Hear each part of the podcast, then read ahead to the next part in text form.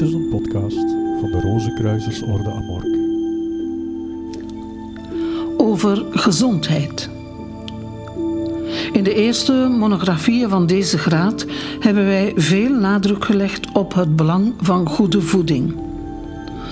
Het spreekt vanzelf dat wij niet mogen verwachten gezond te blijven als wij slecht eten. Dat wil zeggen als wij onevenwichtige voeding of voedsel van slechte kwaliteit gebruiken. Want dat wat wij eten en drinken houdt nauw verband met de levenskracht. Daarom moeten wij hier bijzondere aandacht aan besteden en ervoor zorgen dat het beantwoordt aan de reële behoeften van ons lichaam. Als wij het belang van een goede voedingshygiëne verwaarlozen, verschaffen wij de cellen van ons lichaam niet de fysieke vitaliteit die ze nodig hebben om in goede omstandigheden te kunnen werken en ondergaat ons organisme als geheel onvermijdelijk de gevolgen ervan. Op zuiver fysiologisch niveau vormt het algemeen functioneren van ons lichaam een afspiegeling van de activiteit van de cellen. Fysieke preventie. Toen wij de cel bestudeerden, hebben wij u uitgelegd dat veel vormen van kanker het gevolg zijn van een wanordelijke situatie in één of meerdere van onze organen. De geneeskunde neigt hoe langer hoe meer tot de overtuiging dat slechte voeding een van de meest voorkomende kankerveroorzakende factoren is. Dit veronderstelt dat inadequate of in slechte omstandigheden opgenomen voeding een verstoring van het evenwicht in ons organisme teweegbrengt, die in veel gevallen het verschijnen van kankercellen bevordert. Eten en drinken verschaffen het lichaam immers een energie die onmisbaar is voor alle functies ervan. Maar wanneer het potentieel van deze energie te zwak is, vindt de stofwisseling op celniveau ten koste van inspanning of spanning plaats, wat op korte of langere termijn in de vorm van een ernstige ziekte tot uitdrukking kan komen. Een juiste voedingskeuze is dus een van de belangrijkste elementen bij het voorkomen van ziekten. Maar de wereld waarin wij leven maakt het hoe langer hoe moeilijker de fundamentele voedingsregels te respecteren. Door het gejaagde levensritme zijn de meeste mensen geneigd de kwaliteit van hun maaltijden te verwaarlozen, zowel wat betreft het voedsel zelf als wat betreft de omstandigheden waarin zij eten. Daarom dringen wij er nogmaals op aan om aandacht aan uw maaltijden te schenken. Want als de natuur voedsel tot een vitale behoefte heeft gemaakt waarvan wij mogen genieten, dan moet de mens dat voedsel niet uit onwetendheid of onverschilligheid in een oorzaak van ziekte en lijden veranderen. Wat wij hierboven over voeding hebben uitgelegd, geldt ook voor de lucht die wij inademen, aangezien het fysieke welzijn van ons organisme eveneens afhangt van de kwaliteit van het energetisch potentieel dat wij door middel van de ademhaling in ons lichaam binnenlaten.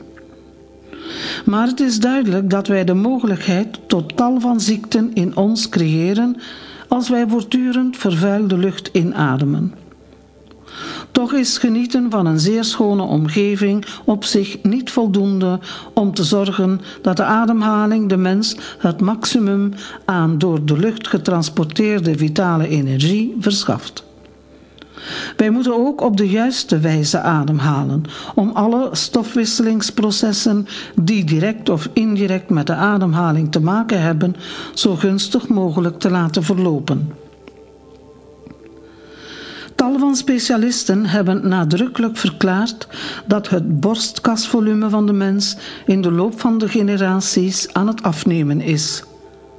Dit komt doordat de levensomstandigheden steeds minder hoge eisen stellen aan de ademhalingsfunctie en doordat de meeste mensen niet de wijsheid hebben dit feit te compenseren door voldoende aandacht aan hun manier van ademen te besteden.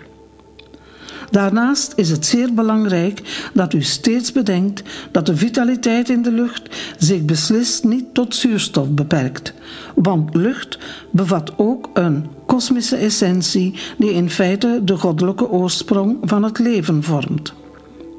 Zoals wij in de eerste monografieën van deze graad verschillende malen hebben gezegd, maakt juist deze essentie, doordat ze doordringt tot in elke cel, de mens tot een levend en bewust wezen. Op fysiek niveau is er, behalve de noodzaak juist te eten en adem te halen, nog een belangrijk punt waarop u moet letten om gezond te blijven. Wij hebben het nu over de gunstige gevolgen van regelmatige lichamelijke activiteit.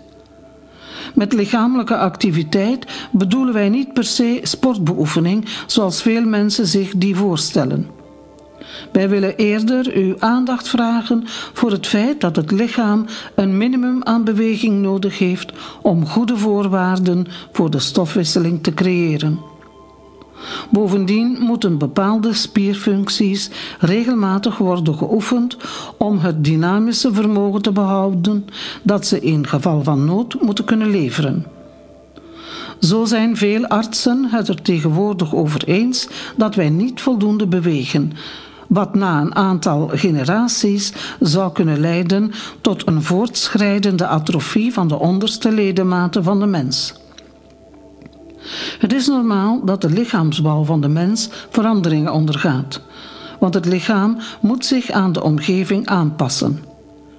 In dit opzicht is het zeker zo dat de spierkracht van de mens in de loop van de tijd minder zal worden, want de technologie zal hem meer en meer van zwaar lichamelijk werk ontlasten. Wij mogen ons echter niet door gemakzucht laten verleiden en de fout begaan geen beroep meer op ons fysieke lichaam te doen met activiteiten die er een goede uitwerking op hebben. Mentale preventie. De mentale preventie van ziekten heeft te maken met de zorg die wij aan onze gedachten moeten besteden. Aangezien gedachten trillingsverschijnselen zijn en ons lichaam dat ook is, is het begrijpelijk dat ze een voortdurende invloed op ons lichaam uitoefenen. Wanneer onze gedachten positief zijn, wekken ze harmonie in ons op, de belangrijkste voorwaarde voor het in stand houden van een goede gezondheid. Als ze daarentegen negatief zijn, veroorzaken ze een innerlijke dissonantie die heel dikwijls in ziekte tot uitdrukking komt.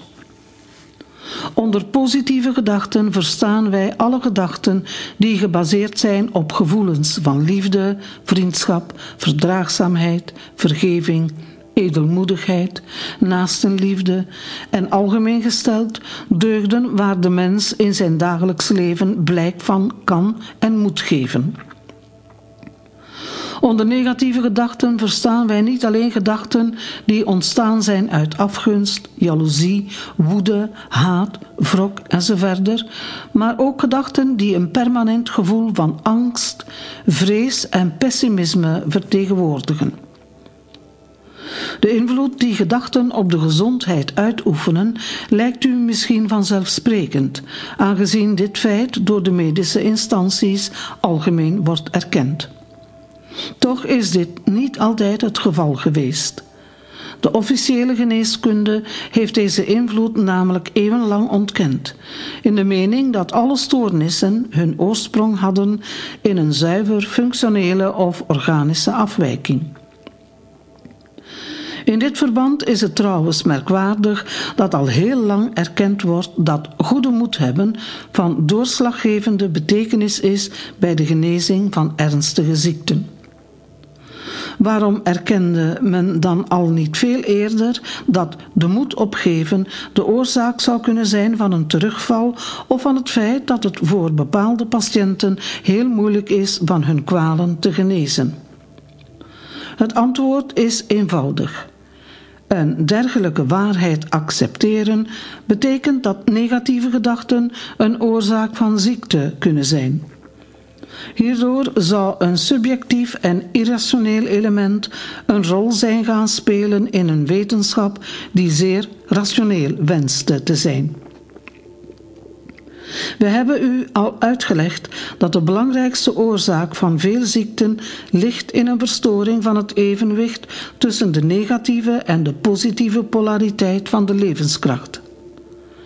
Het is duidelijk dat iedere negatieve gedachte een dergelijke verstoring teweeg brengt, want ze is strijdig met de harmonie die de overhand behoort te hebben in al onze organen en in alle functies, zowel de fysieke als de psychische van ons wezen.